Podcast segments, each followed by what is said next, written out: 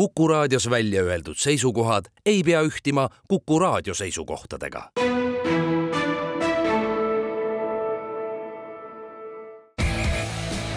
vutikohus. vutikohtul aitab pinget kruvida Pahv tere tulemast kuulama Kuku raadio jalgpallisaadet Vutikohus, mis on eetris igal neljapäeval ning mida juhivad Ott Järvela jalgpalliportaalist sokkernet.ee ja Andres Vaher Õhtulehest nagu ikka, saab meie saadet järelkuulata Kuku raadio koduleheküljel ja äpis Player ning samuti iTunesis, Spotify's ja Postimehe spordiveebis. vutikohus võtab igal nädalal jutuks aktuaalsed jalgpalliteemad ning tähtsamad jalgpallikohtumised. algab vutikohtu kahesaja kahekümne esimene istung ning alustame nagu ikka eelmise nädala jooksul peetud märkimisväärsemate jalgpallikohtumiste lahkamisega ja alustame eilsest õhtust, sellepärast et väljakul oli näha võistluspaari, mis pidas kahe tuhande kaheksateistkümnenda aasta augustis ühe mälet-, mälestusväärse duelli ka A Le Coq Arena'l. toona oli mänguks UEFA superkarika finaal ning võitjaks Madridi Atletico, kaotajaks Madridi Real. lisaajale see mäng A Le Coq Arena'l läks aga eile samad meeskonnad olid vastamisi Riyadis, Saudi Araabias ning äh, Hispaania superkarika poolfinaalis äh, oli sedapuhku võit Madridi Reali päralt, kuigi mäng läks taas, taas kord äh, lisaajale ja oli väga seiklusrikas. no siin on mitu asja, esiteks see mäng ise, Real võitis lõpuks viis-kolm, kui ka selle võistluse toimumispaik ja no see, et hispaanlased peavad oma äh, nii-öelda siis muid võistlusi äh, kodumaalt väljas, noh, täpsemalt siis öeldes siis naftariikides, ei ole esmakordne. Nad vist on kolmeaastane leping käib neil praegu Saudi Araabiaga. just ja hetkel siis äh, Saudi Araabia pealinnas Riyadis neid mänge peetakse, meie saate siis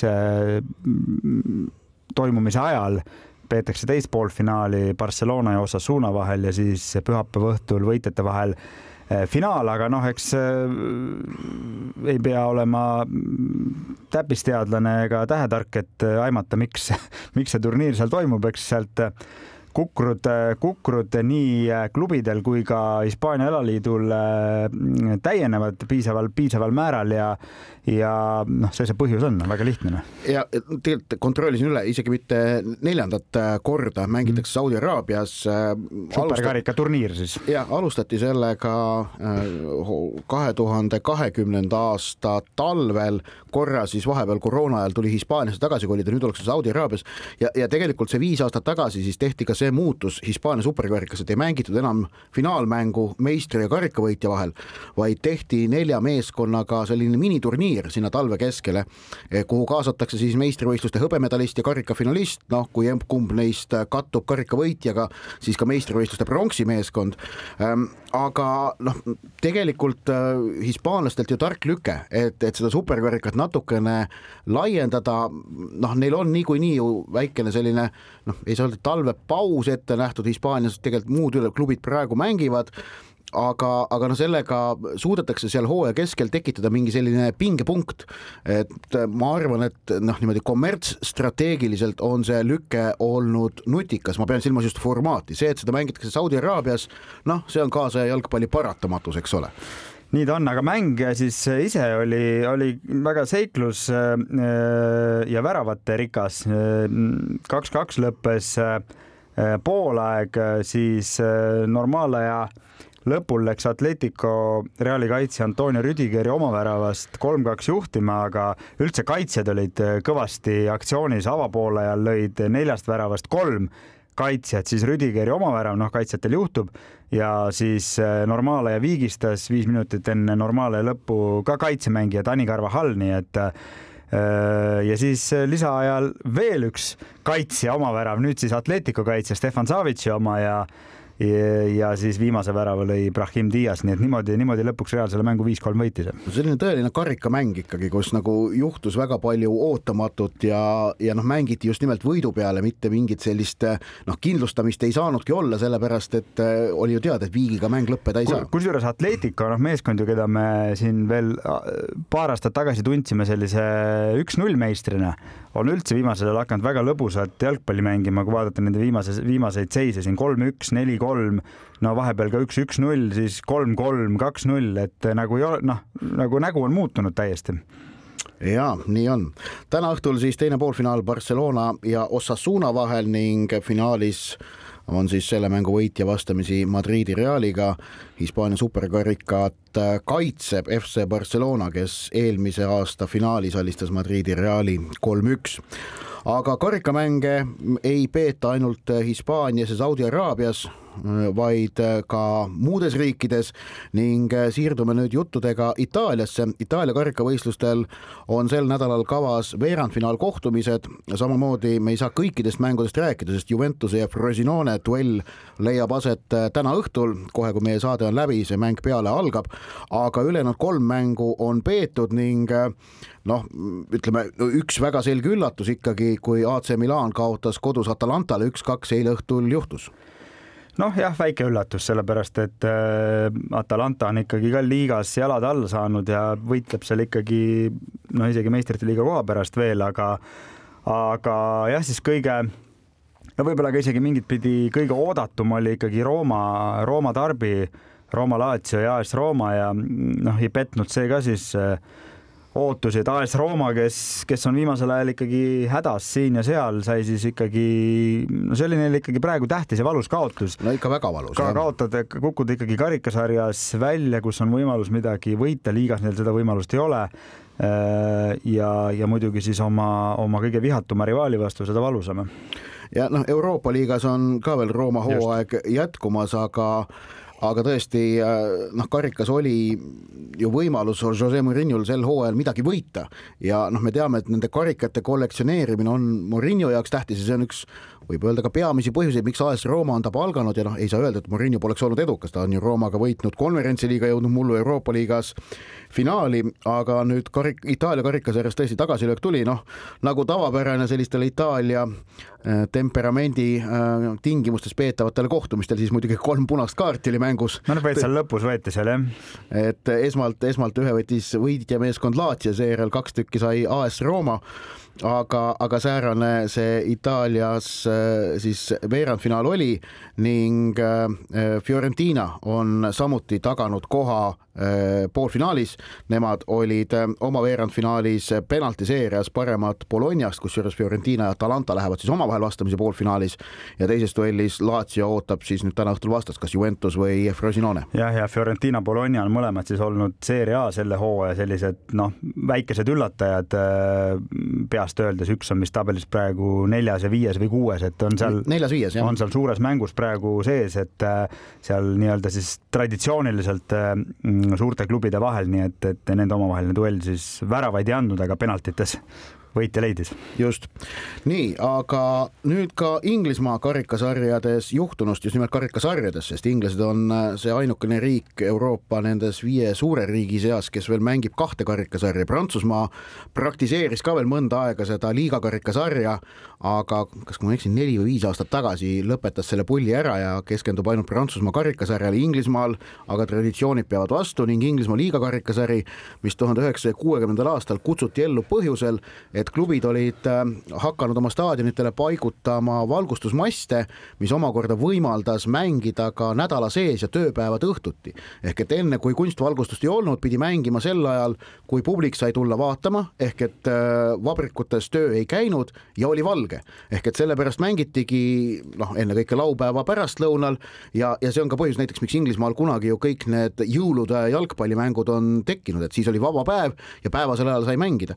aga kuue kuuekümnendate, kuuekümnendaks aastaks oli olukord säärane, et enamikel klubidel olid valgusmastid püsti ja sellega taheti hakata teenima tulu. et nädala keskel ka mänge pidada ning seepärast leiutati uus võistlus, milleks on liiga karikasari, kus osalevad siis nelja kõrgema liiga klubid, see on jõudnud nüüd omadega poolfinaalideni ning mõlemas poolfinaalis, mis seal mängitakse kaheosalise matšina, on pärast esimest mängu ikkagi pinge üleval, eriti muidugi Middlesbrough ja Londoni Chelsea duellis, mille esimene vaatus teisipäeval Riverside'i staadionil lõppes Middlesbrough üks-null võiduga, no Londoni Chelsea kannatuste rada jätkub. ja et ikkagi noh, Mauricio Pochettino peab ikkagi juba leiutama noh, ikkagi kohati ikka täitsa juba Erik ten Hagil moel nagu erinevaid, sest noh, meeldib see meile või ei meeldi, aga suurte jalgpalliriikide, no eriti Inglismaa, aga, aga ka mujal see tegelikult see, kui klubi on raskustes, see, mida treener, kuidas ta ennast väljendab, see on nagu väga suure tähtsusega nagu fännide jaoks, noh, tege-, tegelikult sellel ei tohiks ju olla mingit nagu sisulist kaalu, aga sellel on väga suur tähtsus ja seetõttu ma nendele treeneritele mingis mõttes noh, neil on ju nii nagu sada muret, mida sa pead sellel hetkel seal haldama ja lahendama, noh, meeskonna sees siis, aga ja siis, siis, siis sa pead seal jah, mängude järel Äh, kui neid ebaõnnestumisi seal ikkagi noh, praegu jadamisi tuleb, pead siis nuputama, mida ma nüüd jälle ütlen ja no, ei kadesta ausalt öeldes. ja aga, aga vaata, see ongi, et, et kuivõrd äh, edukalt see treener tollega hakkama saab, on, on, on ikkagi väga oluline seal klubi edasise käekäigu suhtes. meil on näide võtta ju sellest hooajast, kui Tottenham Hotspur, kes oli pikalt võidulainele surfanud, siis kuuendast novembrist kuni seitsmenda detsembrini, kuu aja jooksul pidas viis mängu, millest kaotas neli ja viigistas ühe Eh, ja kuidas Ange Postecoglou, Tottenhami peatreener, suutis läbi selle jääda oma retoorikas eh, asjalikuks. Eh, ta ei kaotanud ei oma mängijate, ei avalikkuse, ei ajakirjanduse ega ka fännide usaldust, vaid kuna ta suutis oma sõnade valikul olla täpne, olla asjakohane, kuidagi peegeldada neid tundeid, mida elasid läbi ka võistkonna toetajad, siis öö, ta tuli sealt vaata et välja isegi tugevamana ning seejärel on Tottenham naasnud sellele hooaja alguse heale reele, sellepärast et järgmisest kuuest mängust on viis tükki võitnud. jaa, aga Chelsea pole seda kuhugi naasta no, no okei okay,, seda küll, ei, aga ma toon näite sellest, kuidas, kuidas see just nimelt sa ütlesid, see avalik retoorika, mida peatreener räägib ja ütleb, et see on oluline, et Tottenhami puhul meil on näide võtta, kuidas see, see, seda, seda öeldes on võimalik olla edukas. just, aga noh, Pochettinol pole praegusel Chelsea perioodil nagu edu veel olnudki, et äh, nagu ja noh, teades, kuidas Chelsea't vähemalt siiamaani on juhitud, praegu on kannatlikud olnud, oldud, et äh, noh, väga-väga-väga keeruline ja, ja no, mitte, et nüüd, äh, mitte, et nüüd kaotus äh, Championship'i klub, klubile võõrsil mingisugune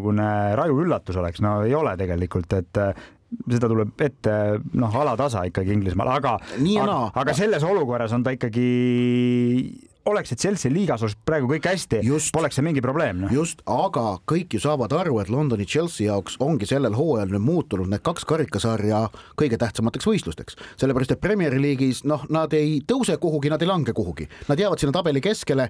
eurosarja nad sealtkaudu ei kvalifitseeru ja esiliigasse langemise ohtu ei ole. no eurosarja šanss siiski liiga kaudu on veel ikkagi olemas Mm, noh, no ikkagi võitlus käib, praegu on ju pool hooaega peetud ja mingi kuus-seitse punkti vahet, et. no okei okay, jah ja., aga no noh, tundub keeruline, oleme ausad, karikasarjad on aga neil võimalus sel hooajal saada Euroopasse või ka siis kogeda edu, äh, saada mingisugune selline emotsioon ja eriti kui nad on juba liiga karikasarjas poolfinaali jõudnud ja poolfinaali vastane on sulle esiliiga klubi, siis noh, finaali mittejõudmine ilmselgelt oleks suur pettumus ja põrumine ning noh, finaal on ühest mängust, seal oleks juba kõik võimalik. Inglismaa karikasarjas Chelsea sai oma esimese ülesandega hakkama, nad olid äh, kolmandas ringis äh, vastamisi Preston North Endiga, mm, selline Põhja-Inglismaa klubi, Liverpoolist tund aega rongiga sõita ja võitsid selle mängu küll e-, pärast keerulist esimest poolega, mis oli null-null, võitsid lõpuks neli-null, seal jõudsid nad äh, järgmisse ringi, et, et seal tehti oma töö ära, aga see jaanuar ongi Chelsea jaoks karikakuu ja nüüd see kordusmäng, mis ülejärgmisel nädalal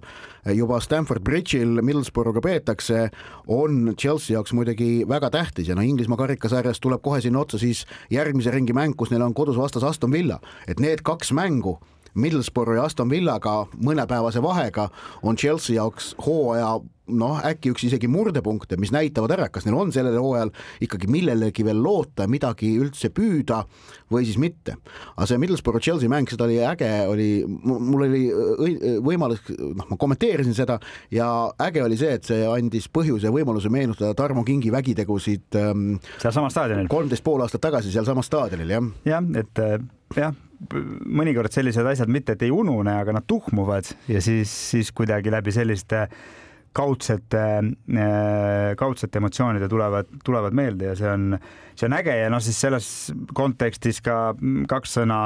no kahtlemata Inglismaa karikasarja, siis nüüd enam mitte liiga karikasarja, aga karikasarja, eks ole, peamise karikasarja keskne mäng peeti, peeti Londonis, kus Arsenal ja Liverpool olid taas vastamisi siis pärast liiga, liigamängu ja taas taas Liverpool võitis ja Liverpooli võidu tegi eriti, ma ütleks eriti, noh, võit on niikuinii võit. Mm, aga võidu tegi eriti magusaks see, et ikkagi Liverpooli koosseis võrreldes Arsenali koosseisuga oli ikkagi noh, märksa, no või kas märksa, oli grammi võrra äh, eksperimentaalsem, et, et see veel, see veel lisaks, lisas seda, seda, seda vürtsi sinna, sinna, sinna võidurõõmu. ja nad olid enne jõule vastamisi meistrivõistluste raames toona üks-üks viik ja, ja tegelikult mängude iseloomud olid selles mõttes sarnased, et toona läks Arsenal, alustas väga hästi, läks mängu kiiresti juhtima aga ei suutnud eduseisust kinni hoida. nüüd samamoodi nüüd... avapoolega oli täiesti Arsenali oma noh. ja nagu pealelöögid kolmteist kaks Arsenalile, aga see, kuidas Jürgen Klopp suutis mängu Äh, taaskord muuta, ta on sel hooajal silmatorkavalt edukas olnud mängu käigus erinevate muudatuste tegemisel, millega ta on suutnud äh, noh, kehvasti alanud kohtumised ikkagi meeskonna kasuks pöörata. sellepärast et, et just nimelt, võtame esmalt selle pühapäevase mängu Arsenaliga, okei okay,, nad ei jäänud kaotusseisu, aga esimene poolaeg, noh, nad olid ikkagi kehvad, neil vedas, et nad ei olnud kaotusseisus. aga teiseks poolajaks tegi ühe lükke, tõstis Darwin Nunez'e keskründaja positsioonilt vasakusse äärde, kus Nunez pani Ben White'i sellise surve alla, mis halvas tegelikult Arsenali ründemängu. noh, olulisel määral ja, ja Liverpool sai mängu tagasi ning isegi kui ta tõi seal viimaseks veerandtunniks Curtis Jones'i ja Harvey Elliotti ehk et juba nüüd selliste põhitegijate asemel väljakule kaks noormeest, kes kumbki sel hooajal Premier League'is pole minutitki mänginud, Connor Bradley ja Bobby Clarke'i, üks kakskümmend, teine kaheksateist aastat vana Liverpooli mäng ei muutunud sellest karvavõrdki no, kuidagi nagu ebakindlamaks. ei no isegi kohati läks paremaks, sest nad tõid ikka väga head energiat mõlemad, ilma, ilma isegi mingi koefitsiendita nagu, et nooruse koefitsiendita, et ja Arsenal siis samal ajal ikkagi üks ekspert ütleb, et ründajat on vaja, teine ütleb, et, et ei ole vaja, noh, et ikkagi jah, segadusena tõmbame siis veel ühe Eesti jalgpalli paralleeli küll sellise noh, sellise nagu pooltingliku, aga kui Tarmo Kingist ja Middlesbrough'st oli juttu, siis äh, Mart Poomi endistel koduklubidel oli oli karikasarjas äh,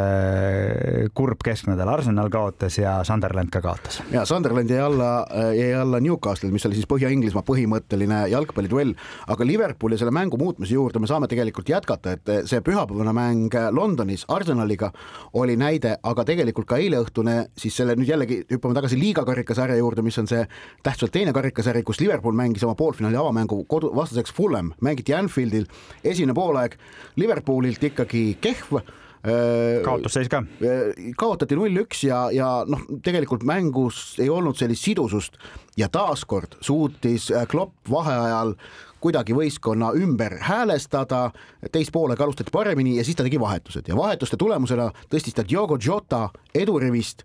no ütleme sinna keskväljale toimetama ja see energia, mille Jota tõi, oligi minu meelest lõpuks vaata peamine põhjus, millega Liverpool selle mängu kaks-üks ära võitis. Jota andis uut energiat ja, ja, ja see, kuidas Klopp vaata leiab võistkonna seest praegu neid uusi võimalusi eh, energia andmiseks, ka needsamad Clarki ja, ja Rams'i sissetoomine tolles mängus Arsenaliga, nüüd Jota positsiooni muutmine, eriti olukorras, kus tal Mohamed Salah, Wataru Endo on vastavalt Aafrika-Aasia meistrivõistlustel, nüüd sai Trent Alexander-Arnold vigastada, on jaanuari lõpuni väljas see on, see on tohutult oluline suutlikkus ja oskus ning äh, ma arvan, et iga see õnnestumine praegu seda Liverpooli eneseusku kasvatab ikkagi tohutult ka meistrivõistluste tiitlivõitlust silmas pidades. vutikohus, vutikohtul aitab pinget kruvida Pahv vutikohtu kahesaja kahekümne esimene istung jätkub ning äh, räägime nüüd saate keskmises osas võistlusest või siis võistluse moodi välja nägevast nähtusest, äh, mis muudab arvestataval määral Eesti äh, tippklubide talvist tööprotsessi. nimelt alustab lähiajal Liivimaa talliliiga, see on siis siin juba järgmisel nädalal on, ei sel nädalal esimesed mängud järgmisel nädalal, vabandust. E, ehk et organiseeritud mudel, mille alusel siis Eesti ja Läti klubid enne koduste meistrivõistluste algust omavahel treeningkohtumisi peavad, e, on moodustatud siin siis Eesti ja Läti tippklubidest kolm kõrgemat liigat A, B ja C, igaühes mõlemast riigist neli klubi ja, ja näeb siis välja see põhimõtteliselt niimoodi, et oma riigi võistkondadega ei mängita, aga mängitakse teise riigi nelja klubiga ning noh, näiteks, et FC Flora, kes on siis Eesti poolt A-divisjoni äh, või, või selle A-taseme liige, mängib Läti nelja kõige tugevama klubiga treeningkohtumised, kaks kodus, kaks võõrsil. no punkte loetakse no. riikide vahel, aga noh, see on siin tegelikult. tabel on tinglik, ütleme nii. no tabel on vähemalt küll olemas. tabel on olemas, aga. aga, aga noh, tegelikult see ei ole tähtis, ma usun, et keegi sellele tabelile teab, mis suurt tähelepanu pöörama ei hakka, ent, ent oluline on see, et see treeningmäng mängude valik on nüüd rikkalikum ja noh, klubide poolt küll ühtegi nurinat kuulda pole olnud, et pigem ikkagi ollakse rahul, tõsi, mõne klubi jaoks see lihtsalt ei klapi nende protsessi, Levadia sellepärast ei osale, sest et nad lähevad juba varakult välismaale, aga, aga ikkagi noh, minu meelest nagu väga kiiduväärne samm. nojah, see on lihtsalt äh, nii-öelda asendus treeningmängudele, mida siis muidu igal, kõikidel klubidel on tulnud äh, ise korraldada ja nüüd on see lihtsalt siis nendel, nendel meeskondadel, kes, kes tahavad ja saavad eh, siis noh, ehk siis eelkõige tahavad oma treeningprotsessi läbi viia eh, kodumaal, mitte, mitte siis eh, laagris olla kuskil siin praegu jaanuarikuu jooksul, et, et see lihtsalt süstematiseeritud ja liit, alaliitude pealt ära korraldatud äh, Äh, võistlus, võistlus, võistlussari ja noh, kahtlemata siis noh, või võistlussari on nagu palju öelda, noh, võimalus pidada nagu treeningmänge, et ähm, ja, ja noh, lisaks on siis muidugi ka klubidel võimalus pidada ka siis selle turniiri väliseid treeningmänge, mida ka kõik klubid äh, kasutavad. ainuke siis, mis on, on see, et, et eks sellise asjaga käimalükkamine on olnud muidugi selline noh, mis on ka täiesti loogiline, noh, võrdlemisi keerukas pro-, pro-, protseduur, et no isegi seda, see, seda arvestamata, et on, on klubisid, kes on sellest äh, liigast äh, loobunud, noh, lisaks Levadiale ka näiteks äh, Läti, Läti, noh, võib öelda esiklubi praegu ikkagi. Nad on küll hõbe, nad võitsid mul hõbeda, aga nad on esi, esiklubi, jah. noh, ikkagi oma võimaluste poolest, FK Riga on, on samamoodi minemas või juba läinud, ma täpselt ei teagi, välismaale laagrisse ja, ja aga noh, näiteks, et eriti just Läti klubide poole pealt, et kes osaleb, mis koosseisudega osaleb, kõik on tulnud väga vaevaliselt ja ma nüüd ei tea küll täpselt viimast informatsiooni, aga vaadates praegu mm, selle liiga leheküljelt, siis on hetkel A-tasandil seitse meeskonda ehk et ka ma ei tea, kas seal siis ja Valmiera eh,. Valmieraga oli kahtles tükk aega ja nüüd lõpuks neid ei olegi, jah? ei, Valmiera mängib, kuna Valmiera mängib osad mängud oma duubelrivistusega mm, -hmm. siis äh, nende kohtumisi sinna nii-öelda liigatabelisse kirja ei panda. aga noh, see liigatabel iseenesest ongi noh, ma sellele. sellele ei tasu üldse tähelepanu pöörata. jah, nagu, ja sealt mingeid järeldusi tõmmata, et me nüüd, kas oleme Lätis selgelt kehvemad või paremad ja. nende mängude põhjal. oi kui jumal sellest, me hakkaksime jah praegu tegema mingeid, et kui me siit peaksime selle liiga, kas olema edukad või mitte edukad, seda kindlasti ei tohi teha, noh. jah, jah, aga noh, miks Eesti klubid seda äh, initsiatiivi ootasid ja on toetanud, on põhjus see, et, et äh, kuna hooaja keskel omavahel kohtutakse niikuinii neli korda, mis noh, on Eesti oludes minu hinnangul mõistlik formaat, meistrivõistlusi niimoodi pidada, nagu me peame, eh, siis eh, hooajalsetes treeningmängudes tahetakse muidugi rohkem vaheldust, et et Flora Levadia näiteks omavahel mängivad meistrivõistlustel neli korda, on arvestatav tõenäosus, et nad lähevad korra vastamisi veel ka karikasarjas, aeg-ajalt minnakse vastamisi ka superkarika finaalis, tõsi, tänavu küll mitte, ja, ja noh, tähendab neid omavahelisi mänge koguneb niivõrd palju, et seda treeningmängu siin veel omavahel enne hooaega pidada pidada, noh, tegelikult ei taheta. ja, ja nüüd on võimalik mängida rahvusvahelisi kohtumisi, mis on just nimelt keskselt ära korraldatud, et äh, Eesti-Läti jalgpalliliidud on hoolitsenud selle eest, et noh, oleks kalender olemas, klubidel endal seda administratiivset äh, sahmimist on mõnevõrra vähem ja tõsi, sinna juurde muidugi korraldatakse ka äh, erinevaid treeningkohtumisi mm, siseriiklikul tasandil, aga, aga säärane lahendus on tegelikult minu meelest ikkagi selgelt positiivne, et see toob natukene vaheldust juurde ja muudab selle jaanuarikuise ja veebruarikuise kuise ettevalmistustsükli ka huvitavamaks jälgida tegelikult, et, et siin see, kui Eesti klubid omavahel nühivad, siis seda ei ole nagu teab mis põnev vaadata, aga noh, kui ikkagi lätlastega mäng on, siis jah, isegi kui me seda tabelit ei vaata, pagan, lätlased on vastas ju, no ikka on huvitavam. ja absoluutselt ja, ja noh, lisaks ongi, et, et see, see annab variatsiooni, noh näiteks toon näite, näiteks Paide linnameeskond äh, alustab oma ettevalmistusi äh,, ei alusta selle liigaga, läheb Soome, mängib Soomes äh, Seinajoega ehk et see ei ole mingi sihuke, et see äh, mingi sihuke võistlus, mis võtaks nagu muud võimalused ära, et klubid saavad ise siis sinna endale vastavalt vajadustele ja võimalustele asju korraldada, mängud toimuvad, ma kindlasti markeeriksin ära ka selle, et meil siis koos selle liigaga tuleb jalgpalliskeenele uus võistlusareen ehk et Raja jalgpallihall ehk siis Tallinna Kalevi rajatud Äh, uus, uus ja. sa ütled, sa, sa hakkad selle kohta Raja jalgpallihalli ütlema, mina. ma ütlen, ma ütlen ametliku nime järgi okay., nagu te, nagu teda nimetatakse, et ma Aa, lähtun sellest no,. seal on, seal on muidugi veel variandid on Kalevi hall ja muidugi noh, ma pakun, et kõige rohkem hakatakse ütlema TTÜ hall. no vot jah, noh, ma, võtan, ma võtan ametliku nimetuse, et, et, et mitte tekitada kelleski, kuidas keegi tahab, ma olen, kõik teised on ka võimalikud nimetused. Et... No, mina olen seal poisikesena seal TTÜ staadionil väga palju mänginud, minu jaoks on see koht TTÜ staadion on ju, et noh, mul on nagu keeruline seda muud moodi nimetama hakata ei, aga tõesti, et tuleb Raja jalgpallihall kasutusse, aga neid mänge selles talliliigas li,, Liivimaa talliliigas hakatakse mängima ju ka Pärnu jalgpallihallis, Viljandi jalgpallihallis, Annemõisa hallis. Ehk et tegelikult see jalgpallihallide rajamine, mis Eestis viimaste aastate jooksul on aset leidnud ja mis, ja mis jätkub. ja mis, mis loodetavasti jätkub. peaks olema neliteist halli meil vist kas aasta või kahe, kahe aasta pärast vist no,. No, siin, siin, siin mingid hallid on ikkagi ju veel jah kinnitatud ja on ehitamisel või rajamisel, Narva näiteks, siis see võimaldab ikkagi oluliselt edukamalt võistkondadel äh, hooajaks ette valmistuda. ja nüüd, et ähm, kas, aga siin nüüd jällegi ma pean nentima, et, et kui nüüd loota sellest, et tekib taseme tõus, siis jah, kahtlemata taseme tõus sellest tekib, aga eh, kas see taseme tõus on ka võrdluses teiste riikidega, see on nüüd omaette küsimus. ehk et kõikide tase kogu aeg mingil määral tõuseb, sellepärast et spordiala kui jalgpall areneb, aga kas nende hallidega õnnestub kellestki mööda minna, noh, seda peab näitama tulevik, aga see ei pruugi niivõrd lihtsalt käia. ei no see on lihtsalt, ma nimetaksin seda elementaarseks eelduseks, et üld, üldse areneda, et, et õnneks või kahjuks see, see nii käib, et ehk et kui, kui meil ei oleks neid halle, siis, siis sellisel moel äh,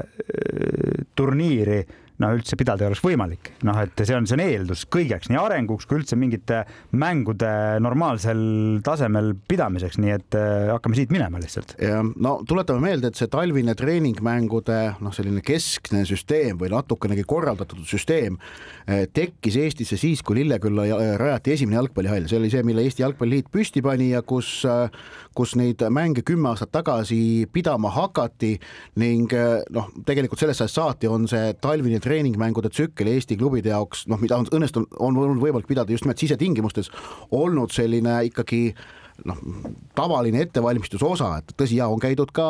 selle viimase kümne aasta jooksul nii, nii Riias mängimas Läti klubidega kui ka Soomes erinevate sealsete võistkondadega, aga, aga jah, see sisetingimustes mängude pidamise võimalus on Eestis üldse ainult kümme aastat vana ja nüüd see, et neid saab pidada ka mujal kui Tallinnas, on tegelikult viimase alles mõne aasta küsimus ja see. ja see on väga oluline, see on, see on väga oluline. see, see on noh, ühelt poolt see on väga oluline ja, ja teisalt see nagu noh, kuidas öelda, kirjeldab seda paraku, et kust me oleme tulnud ja, ja millises situatsioonis üldse Eesti, Eesti jalgpalli noh, protsess on, et, et klubidel on ikkagi noh, e-, enamikel Eesti klubidel ei ole võimalik minna soojamaa laagrisse, Levadia on mitu aastat käinud, läheb ka tänavu, näiteks FC Flora on aga oma tänavu talvise Äh, treeningmängude programmiga ikkagi eelmiste aastatega võrreldes selgelt tagasi tõmmanud, kui eelmistel aastatel Flora on käinud mängimas kas Šveits, Šveitsis tavaliselt, aga ka Skandinaavias. Äh, tänavu neil midagi sellist praeguse seisuga kavas ei ole. Äh, ehk et Eesti klubidel ei ole võtta neid vahendeid minna soojamalaagrisse, näiteks noh, Norra kasutab ju seda mudelit, et peaaegu kõik kõrgliiga satsid laagerdavad enne liiga hooaja algust poolteist kuud Hispaanias peavad seal, peavad seal ka treeningkohtumisi, tehakse heades tingimustes trenni ja siis hooaja alguseks naastakse Norra ning, ning hakatakse meistrivõistlusi juhama. tõsi, noh, siis väljakute kvaliteet on mõnevõrra muidugi teistsugune ja no Norras väga palju mänge peetakse ka kunstmuru peal äh, meistrivõistluste kohtumisi, aga, aga, aga noh, Eestis seda varianti pole, ehk et see sisetingimustes mängude pidamine talviti on ainukene võimalus klubide jaoks ja kui liikuda siit siis talvisest liigi, Liivimaa taliliigast mm, suve poole, siis, siis suvine liiva, Liivimaa karikas, mis on juba nagu peetud, siis, siis tõesti, kui see, kui see talvine liiga on väga selgelt ettevalmistav ja ja, ja treeningmängude kaalu ja tähendusega, siis, siis see Liivimaa karikas ehk et mäng Eesti ja Läti meistrite vahel see on nüüd küll noh, sündmus või mäng, nimetame siis kuidas tahes. No, mis, mis võiks hakata oma elu elama. jah, lihtsalt muidugi ta peab siis talle ta,, ta, talle tuleb kalendris leida koht, kus ta kindlasti oleks mõlema siis osaleja jaoks apetiitne ja oluline, noh, mida ei ole nii lihtne teha tegelikult nagu pragmaatilises maailmas, aga, aga see võiks olla mäng, mis on noh, nagu Eesti ja Läti koondiste mäng Balti turniiril, noh jah, no Liivimaa karikas see, see just nimelt mäng Eesti ja Läti meistri vahel, see nuputati välja kahe tuhande kolmandal aastal, aga teda on peetud väga sporaadiliselt, et kaks tuhat kolm, kaks tuhat neli, kaks tuhat viis mängiti, alati võitis Rias Konto, siis oli paus, kaks tuhat kaheksa võitis Ventspils, siis oli jälle kaks aastat pausi, kaks tuhat üksteist võitis Flora, siis oli kuus aastat pausi, kaks tuhat kaheksateist võitis Flora ja nüüd mullu äh, mängiti seda taas äh, üle pika aja, aga mängiti jaanuari lõpus äh, Tallinnas jalgpallihallis hallis ja Flora ja Läti meister Valmiera vastamisi olid, no to, ma, ma olin toona mängul kohal, ma mäletan seda aasta-algust mängu, Flora võttis seda selgelt tõsisemalt kui Valmiera. Floral oli komplekteerimine paigas, nad olid mänginud juba vist välismaal ühe või kaks treeningkohtumist, Valmiera hakkas tegelikult alles noh, uut võistkonda kokku mängitama ja, ja noh, Valmiera treen-, peatreener toona kurtis ka, et, et pagan, et tegelikult tahaks mängida sellise karika peale nagu korralikult. aga noh, praegusel aastaajal see ei ole võimalik võimalik. ja noh, sellele Liivimaa karikale on nüüd välja nuputatud tegelikult koht, et mängida seda juunis. juuni e alguses vist no, oli e, e, teine pigem, nädal või midagi seal. ja noh, pigem pärast kuu, juunikuu koondise pausi ehk et anda mõlemale meistermeeskonnale enne meistrite liiga esimest eelringi üks selline noh võistluskohtumist meenutav äh, kogemus, rahvusvaheline kogemus just nimelt, mis, mis nagu tundub tegelikult loogilise kohana, aga seal on muidugi see üks suur küsimärk ikkagi, et kas äh, kohe, kui üks võistkondadest mingil põhjusel otsustab, et me ikkagi täiega ei lähe ja panustame eurosarjale ja noh, ilmselgelt nad peavadki panustama eurosarjale, see on väga palju tähtsam kui see Liivimaa karikas, siis sellest mängust kaob kohe see sportlik pinge. no just, ja see ongi see, see, see tegur, mida ma silmas pidasin, et seda ei ole võimalik ette planeerida, no sa ei tea, sa ei tea, kui kaugele jõutakse, kes vastu tuleb ja nii edasi, nagu veel, veel nüansse, et aga, aga igal juhul pigem lasta olla seal suves kui, kui seal jaanuaris, sest sinna jaanuarisse või ükstapuha, mis talvekuusse, isegi kui sa leiad sellele koha meistrivõistluste ette siis äh, ikkagi see ei ole selle, selle nagu no nii, nii sportliku kui ka, kui ka väljast, sest noh, selle, selle mängu tähendus on ka on ka publikule, äh, on ka publikule oluline, nii et, et. Äh, ta on selline sümboolse tähendusega, aga, aga just nimelt, et, et, et samas jällegi äh, raskused ka selle ühe mängu korraldamisel näitavad ilmekalt ära, miks jalgpallis ükskõik milline Balti liiga formaat ka tulevikus ei ole tegelikult reaalne, et seda üldse ellu kutsuda, kuna eh, eurosarjade kohtasid jagatakse ikkagi riiklikel meistrivõistlustel ja auhinnaraha jagatakse eurosarjadel. Need eh, raamid on klubi jalgpallis väga rangelt paigas. Eh, Euroopa Jalgpalliliit UEFA ei luba ka sinna selliseid erandeid teha, et, et mängige omavahel Balti liigat ja siis igast riigist paremad saavad eurosarja, sel juhul kunagi no, aastaid tagasi küsiti. võtke üks. ja kunagi aastaid tagasi küsiti, siis vastus oli see, et Balti riigid UEFA-st ja siis vastus oli see, et kui te tahate ühise Balti liiga, siis arvestage, et teil jääb ka ainult üks komplekt eurosarja kohtasid. ja see, seal see jutt muidugi lõppes, nii et. otse loomulikult. ja, ja, ja see tegelikult see ei puuduta ainult äh, klubi jalgpalli, vaid ka noh, küll natuke teisel moel, aga ka koondise jalgpalli ehk et Balti turniir kenasti toimub, aga ka Balti turniiri nagu toimumise ja, ja, ja sellele tähtsuse omistamisega on ka lihtsalt rahvusvahelisest koondise jalgpallist kalendrist tulenevalt äh, noh, ta pigem ikkagi marginaliseerub, noh, midagi ei ole teha. ta on seda teinud viimased kakskümmend no, aastat. ja see, see on paratamatus lihtsalt, noh. jah, ja, ja, ja noh, kuna sellest, neist mängudest tegelikult need väga suured ja tähtsad asjad ei sõltu ja sellepärast me ka jalgpalli Balti liigat, noh, siin on proovitud seda ellu kutsuda, see tegelikult ei, ei toiminud kordagi. no see on, see, oli, see, võima, see on võimatu nagu. see oli selline võistlus, mis ei läinud tegelikult kellelegi siiralt korda, kus mängiti kohati suvaliste koosseisudega, kus toimus väga palju kihvju ja pettusi. no jättes isegi selle kihvja momendi eemale, ikkagi on seda noh, sisuliselt võimatu korraldada. Jah, just, et, et aga see noh, looda-, kui õnnestuks kasvõi see Liivimaa karikamatš Eesti-Läti meistri vahel kuidagi niimoodi mõnusalt ellu kutsuda, siis see võiks olla, see võiks olla päris äge asi, aga noh, jah, muidu siin mingi Balti riikide vaheline võistlus ainult mingi karikasüsteemis äkki, kus õnnestuks auhinnaraha kuskilt võtta, aga ja välja panna, et see võiks motiveerida osalejaid, aga noh, samas miks panna mõnele karikamängule niivõrd kõva auhinnaraha, et selle rahaga on väga palju targemat ette võtta tegelikult, leiab, leiab ka muid kasutuskohti jalgpallis nii Eestis, Lätis kui ka Leedus. võib-olla tuleks äh, Saudi Araabiasse kolida aa ja, ja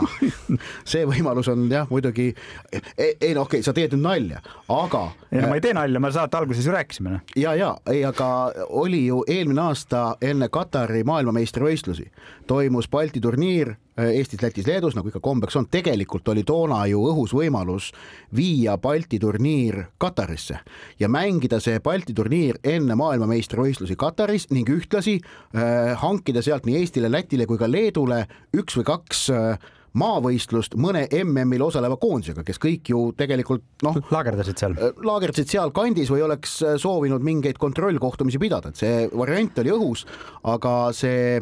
mõte maeti maha ju sellepärast, et Eesti koondise toetajad olid need, kes ja fännid olid need, kes selle vastu väga protesteerima hakkasid. siis poliitilistel põhjustel? no pigem sellepärast, et nad on harjunud, et nad saavad Balti turniiril kohal käia, et, et see, see nagu pigem häiris. sportlikult oleks see olnud äh, üks harukordseid võimalusi Balti turniirile ka tegelikult mingisugust tähelepanu tõmmata, et muidu ta on ikkagi rahvusvahelises plaanis väga tähtsusetu üritus. paneme panuseid vutikohtu kahesaja kahekümne esimene istung jätkub ja liigume siis oma tavapärase saate kolmanda osa juurde, milleks siis erinevate jalgpallikoefitsientide üle arutlemine eh, meil on ja tavapäraselt siis oleme nii Ott kui mina valinud välja kolm pakkumist ja mina vaatan sedapuhku nii Premier League'i kui ka Hispaania La Ligasse. mis siis juhtus, mis siis nüüd juhtus? no Inglismaal on ainult poolik voor, ainult, ainult kümme no. klubi tuleb nädalavahetusel väljakule, et sealt kõik peetakse, peetakse ju rohkem kui kaks mängu ikkagi. ja seda küll, aga esmalt laupäeval kell pool kolm Eesti aja järgi Chelsea võõrustab Fulamit Chelsea hädadest me siin esimeses saate osas mõnevõrra rääkisime ja prognoosin, et need hädad jätkuvad. Ehm, Chelsea ei võida seda mängu ja et Fulham suudab kas viigistada või võita, koefitsient sellele kaks koma kolmkümmend viis. no mina mingil paar nädalat tagasi või kolm nädalat tagasi lubasin, et Chelsea peale mina ei panusta ja siis seega ma ka jään kommentaaris selliseks, et ma ei kommenteeri, Chelsea't on võimatu ennustada ja laupäeva õhtul kell üheksateist kolmkümmend tasub pilgud pöörata Baskimaale, San Mamesi staadionile Bilbaos, sellepärast et seal lähevad vastamisi Baskimaa kaks kõige suuremat jalgpalliklubi, kui Bilbao Athletic võõrustab Real Sociedadi. Real Sociedad siis teatavasti tänavu meistrite liigas osalev klubi ja, ja jõudis seal ka ju äh, kaheksandikfinaali, aga Hispaania kõrgliigas on Bilbao tabelikoht praegu parem kui Sociedadil ning Bilbao on üldse mänginud viimasel ajal ikkagi noh, tohutult edukalt. Hispaania kõrgliigas kolm võitu järjest, viimane kaotus on Bilbao Atleticul kahekümne teisel oktoobril, kui nad jäid kodus all, võõrsil alla FC Barcelonale null-üks nii et äh, Sociedadil ei lähe nüüd ka mitte halvasti, aga kuna Bilbaol läheb silmatorkavalt hästi, siis nende võidu koefitsient kaks koma null tundub mulle päris magus. Äh, Bilbao kolm viimast kodumängu Hispaania liigas Raio Vallecanoga neli-null Madridi Atleticoga kaks-null, Las Palmasega üks-null, nii et eh, olen nõus su pakkumisega ning äh, kolmandaks pühapäeval võõrustab Manchester United Tottenham Hotspuri ning äh, mõlemad äh, peatreeneri nimed käisid meil ka saate esimeses osas läbi, et Erik ten Haag, kellel on raskusi ja Ange Postecoglou, kellel oli, oli raskusi? oli raskusi, aga kes neist edukalt välja tuli, erinevalt ten Haagist, kes pole veel suutnud välja tulla ja võib-olla ei suudagi. igatahes see, et Manchester United koduväljakul seda mängu võita ei suuda, koefitsient üks koma seitse. see on pigem isegi jah, hea koefitsient kõike seda arvestades, ma arvan ka ise siis olen, äh, kus ma siis olen omadega, kaks mängu Inglismaalt ja üks Itaaliast, siis laupäeval kõigepealt Newcastle ja Manchester City ja mm, kuigi üldiselt siin viimasel ajal sarnased pakkumised on mind alt vedanud, aga mm, aga seekord ma ikkagi jään enda sellisele noh, põhimõttele kindlaks ehk et City võidab selles mängus poolaja. ma ei tea, mulle tundub ikkagi, ma tean, poolaeg on poolaeg, aga aga no palju on, noh, kaks koma kakskümmend viis, no, no palju on, noh. nii, ei, ei, ei vaidle üldse vastu. ja siis pühapäevast kaks mängu, kõigepealt siis seesama Manchester United ja Tottenham, millel, millele sa tegid öö, pakkumisi, on mul vähe teisest ooperist. mõlemad meeskonnad on niisugused nagu närvilised ja närvilises mängus tuleb palju kaarte. üle viie kaardi tuleb selles mängus, kaks koma kakskümmend viis nii, ja kolmas pakkumine? kolmas siis Itaaliast, äh, Milano linnast õhtul, pühapäeva õhtust äh, Milan ja Rooma. see on niisugune suht-, see on oluline mäng, aga siin ollakse ettevaatlikud äh, ja lüüakse vähem kui kaks ja pool väravat, üks koma üheksa seal võiks äkki vaadata isegi seda, et lüüakse alla pooleteistkümne värava, et mäng lõpeb kas null, null, üks, null, null, üks. võimalik on ka see, seda koefitsienti mul kirjas ei ole, aga no lähme kindlamat teed pidi. paneme panuseid vutikohtu kahesaja kahekümne esimene istung alustab oma viimase osaga ning vaatame nüüd põgusalt otsa ka eeloleva nädala jooksul peetavatele erinevatele jalgpallikohtumistele ning juba homme õhtul toimub Eesti vaatevinklist kahtlemata tähtis jalgpalliõhtu ja mitte seda põhjusel, et algavad Aasia meistrivõistlused. No,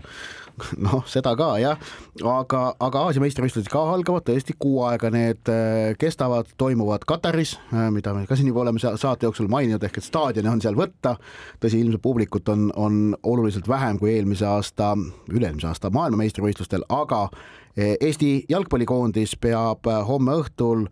Küprosel maavõistlusmängu Rootsiga, mõlemad meeskonnad muidugi ei ole seal esindusrivistuses, kui Eestil on mõned põhitegijad küll äh, seal treeninglaagris kaasas, siis Rootsi on kohal ikkagi noh, oma koduliiga mängijatega, kellest ka paljudel koondise kogemust ülinapilt või peaaegu üldse mitte. ja aga ma annaksin siin sellise mõõtme sellele, äh, sellele, et kui jah, juba on ka siis nii-öelda jalgpalliruumis olnud juttu, et, et Rootsil on äh, no niisugune nagu noh, mitte naljakoosseis, aga, aga väga eksperimentaalne koosseis, mis vastab tõele, aga paneme selle sellisesse perspektiivi, et need on kõik Rootsi liiga põhimängijad. Ja näidake mulle nüüd üldse Eesti jalgpallureid, rääkimata sellest koosseisust, kes praegu seal on, eh, kes nagu läheksid ja Rootsi liigas mängiksid nagu põhimängijatena ei no sellest praegusest koosseisust ma ütleksin mitte keegi. nojah, noh, aga paned isegi, võtame ringi laiemaks, palju on mängijaid, keda Rootsi klubid väga tahaksid, noh, kuna seal keegi ei mängi, me ei tea muidugi seda, aga ma tahan selle tuua lihtsalt selle mõõtme sellesse, et, et see vastane on endiselt meile väga kõva. ja, ei no Rootsi kõrgliiga on koht, kus Eesti mängijatest läbi on suutnud lüüa ainult Karol Mets kes neist, neist, kes on seal käinud. Võtame siin viimaste, viimase isegi mingi kümne aasta jooksul, Karol Mets Stockholmi AIK-s Äh, tõusis põhitegijaks, mängis seal ja, ja oli tegija. aga noh, Erik Sorga käis äh, Rootsi kõrgliigas, ei õnnestunud tal Malmös mitte mingisugust läbilööki teha ja noh, Vladislav Greida, tõsi, tema oli esiliigas. esiliigas, no esiliigas on veel käinud seal mängijaid varem just, ka, nii et jah. aga ei noh, Rootsi kõrgliiga, mille taset ei tasu üldse mitte tõesti alahinnata, et ja, ja Rootsi kõrgliiga taseme tugevus peitub selles, et ta on tasavägine, et tema tipud küll tingimata nüüd sul meistrite liigas niivõrd edukalt ei ole mänginud nagu näiteks Taani klubid. aga, aga Rootsi kõrgliiga tasavägisus on, on see, millega nad äh, noh,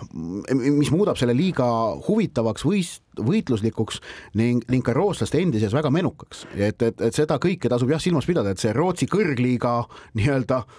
rivistus, mis meile vastu tuleb, on objektiivselt võttes muidugi sellest Eesti meeskonnast selgelt tugev. nii et lihtsalt ma arvan, et see mäng tuleb ikkagi raskem Eesti koondisele kui möödunud jaanuarine mängud Soome ja Islandiga, nii et. ja selle, ma, ma olen nõus sellega, ma olen nõus sellega. nii äh,, homme õhtul, kui Rootsi-Eesti vaadatud, siis äh, Saksamaal mängitakse järele Müncheni Bayerni ja Hoffenheimi vaheline duell, mis jäi jaanuaris või tähendab detsembris ära lumetormi tõttu Münchenis just ja siis äh, laupäeval algab äh, teine mm, piirkondlik kuu aega kestev turniir, Aafrika meistrivõistlused. nii Aasia kui Aafrika meistrivõistlustel hoiame siis oma järgnevates saadetes silma peal, samamoodi siis äh, laupäeva õhtul paar mängu, millest meil juba eelmises saate osas põgusalt juttu oli, ehk et Inglismaal Newcastle United ja Manchester City ja Hispaanias või no olgem siis täpsed, Baskimaal äh, Bilbao Athletic ja Real Sociedad. Äh, just nii ning noh, vast äkki kaks sõna võib ka sellest muidugi öelda, et keda peetakse nii Aafrika kui ka Aasia meistrivõistluste soosikuteks, et Aafrika meistrivõistluste noh, soosik number üks praegu, kui vaadata siin erinevaid eksperdihinnanguid, kuigi noh, kahekümne nelja koondisega võistlusel muidugi neid soosikuid on, on ju rohkem, kui äh, ei saa rääkida nii-öelda number üks soosikust, aga aga no ilmselt ikkagi Senegali suunas on kõige enam põhjust vaadata, nad on olnud viimastel aastatel ikkagi Aafrika kõige stabiilsem võistkond ja noh, teine on Maroko, Senegal ja Maroko Maroko, noh, Maroko mullus MM-i neljas meeskond. ja aga ikkagi see, see Aafrika tipp on, on väga-väga tihe, et ikkagi neid võistkondi, kes noh, kes finaali võivad jõuda, on ikka neid on päris palju, et ähm, ma arvan, et päris põnev turniir tuleb. Aafrika meistrivõistlused on traditsiooniliselt olnud võistlus, kus sünnib päris palju üllatusi, et seal on olnud üllatusvõitjaid, üllatusfinaliste. Aasia meistrivõistlustel ma arvan, et on üks suur intriig ikkagi ja see intriig seisneb selles, et kas äh, Lõuna-Korea, kes pole Aasia meistriks tulnud pärast aastat tuhat üheksasada kuuskümmend, aga on samas olnud äh, viimased kolmkümmend aastat, viimased nelikümmend aastat Aasia kõige edukam jalgpallimeeskond, sellepärast et nad on MM-idel. alati kaheksa, kaheksakümne kuuendast aastast alati MM-ile kvalifitseerunud, nad on olnud kohal seega järjest kümnel MM-finaalturniiril, aga Aasia meistriks pole tulnud kuuskümmend neli aastat. et kas nad suudavad selle ära teha ja kas Heung-Min Son suudab Lõuna-Korea meeskonna, kellel on tegelikult ikkagi noh, mujalt ka võtta ju päris korralikke, päris korralikke mängijaid, kas nad suudavad selle äh, võidu seekord ära tuua, noh, meil on Müncheni Bayernis Min Jae Kim, meil on Pariis Saint-Germainis Kangin Lee, lisaks äh, jah, Heung-Min Son muidugi äh, Tottenhamis ja, ja Inglismaa kõrgliigast ju ka veel He Chan Huang Wolverhamptonist. Ehk et noh, Koreal nagu neid tippmängijaid on, aga, aga tulemust ei ole praegu. Jürgen Klinsmann on peatreener just ja siis pühapäeval peetakse, peetakse mänge erinevates Euroopa liigades, noh näiteks Everton, Aston Villa ja Manchester United Tottenham Inglismaalt ja AC Milan Rooma Itaaliast olgu, olgu välja toodud. just, nii et nende mõtete ja jalgpallijuttudega täname kuulamast vutikohtu kahesaja kahekümne esimest istungit, saatejuhid olid Ott Järvela jalgpalliportaalist soccernet.ee ja Andres Vaher Õhtulehest uuesti oleme eetris ikka järgmisel neljapäeval kell kakskümmend üks ning meie saadet saab järelkuulata Kuku raadio koduleheküljel ja äpis Player ning samuti iTunesis, Spotify's ja Postimehe spordiveebis. Kuulmiseni. vutikohus vutikohtul aitab pinget kruvida Pahv